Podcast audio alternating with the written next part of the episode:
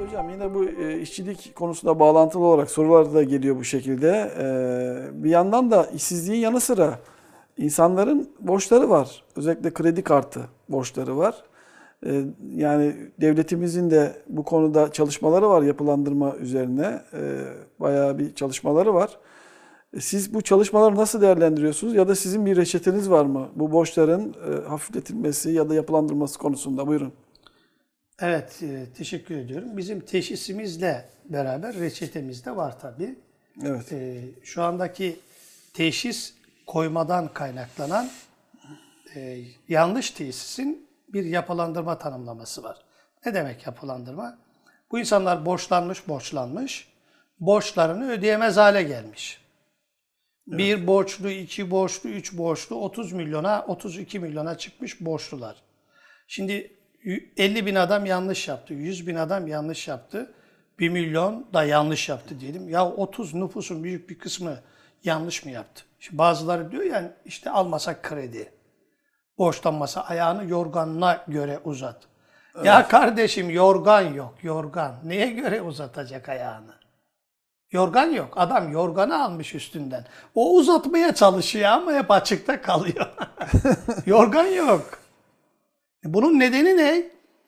Sen şimdi neyi yapılandırıyorsun? Sen diyorsun ki ben senin tekrar borçlanmana devam edebilme imkanı sağlıyorum sana. Diyor. Evet. Bu yapılanma bu demektir. Yapılanma bu demektir. Borcun yapılanması demek bunu sen ödeyebilme alanı açacağım sana biraz daha uzun vadede. Ya bu ödeyebilseydi öncekini öderdi. Bu aslında nedir biliyor musun? Köle gibi sen çalışmaya devam edeceksin. Burada kurulu bir faiz düzeni var, faiz sistemi var. O faiz sistemi seni öldürmüyor. Baktı ki tam ölüyorsun, ha, sana biraz daha nefes vereyim diyor. Fiili duruma göre yasa Tabii. çıkartıyor. Biraz daha nefes vereyim sana diyor. Çünkü sen bana lazımsın. Firavun piramitlerini nasıl yapacak başka türlü? Nasıl yapacak? Kölelerini çalıştırması lazım. Onların enerjilerini yani fiziksel güçlerini sağlayacak beslemeyi yapması lazım. O kadar. O kadar. Şimdi bu Finansal yapı bu şekilde yapıyor diyorsunuz. Parasal sistem bu şekilde yapıyor. Yani buradaki tatbik edilen uygulama bu bankaların yani hükümetlerin getirmiş olduğu bu öneriler çözüm değildir. Yani para, e, finansal sistem hükümetleri baskı altına yapa, e, alarak bunu Kardeşim yaptırıyor. almayacaksın. Bas, finansal sistem tamam böyle güçlü bir etkinliği var da senin si- hükümet olan kardeşlerimiz de e, ya da olacak olan kimse olanlar bu yanlışı da- düzeni- ya bu yanlışı sana öneriyor. Evet maalesef. Ha senin e, senin içerisinde de, siyasilerimizin içerisinde de ekonomi kurmayı olarak baktıkları kafa yapısı da aynı. Adam zannediyor ki iyi bu çok iyi ekonomiyi yönetir. Evet yönetiyor. Çok iyi yönetiyor. Zulüm adına çok iyi yönetir. Mevcut sistemi devam ettirme adına iyi yönetir. Sen burada bu düzeneyi değiştirmen lazım. Sürekli borçlandırmaya, yapılandırma adında sürekli borçlandırmayı devam ediyorsun. Bir adam sürekli borçlanıyorsa biri sürekli kazanıyor demektir kardeşim. Kazanan da Firavuni düzen. Aynen. Bir, bir, bir kahveci var. Herkese kumar oynatıyor. E kazanan sürekli kahveci.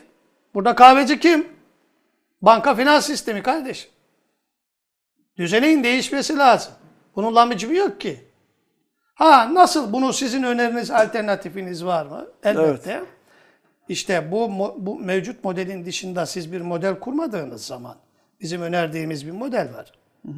Doğal iktisat döngüsünü ana manifestosu olarak taban ekonomisi dediğimiz parasal girişlerin mevcut şu andakinden değişken değişken olan, tabandan olan ve planlı bir üretim ve tüketim ilişkisi içerisindeki ana bir modeldir. Evet. Ve burada insanlarımızın borçlanmasına gerek yok. Ne değerlerimiz varsa adil bir paylaşım. Bunları üretecek, bunları organize edecek. Herkes kazanacak, herkes refah düzeyi yükselecek. Ama mevcut finans sistemi buna müsaade Etmiyor. etmiyor ve sürekli borçlanmayı telkin ediyor.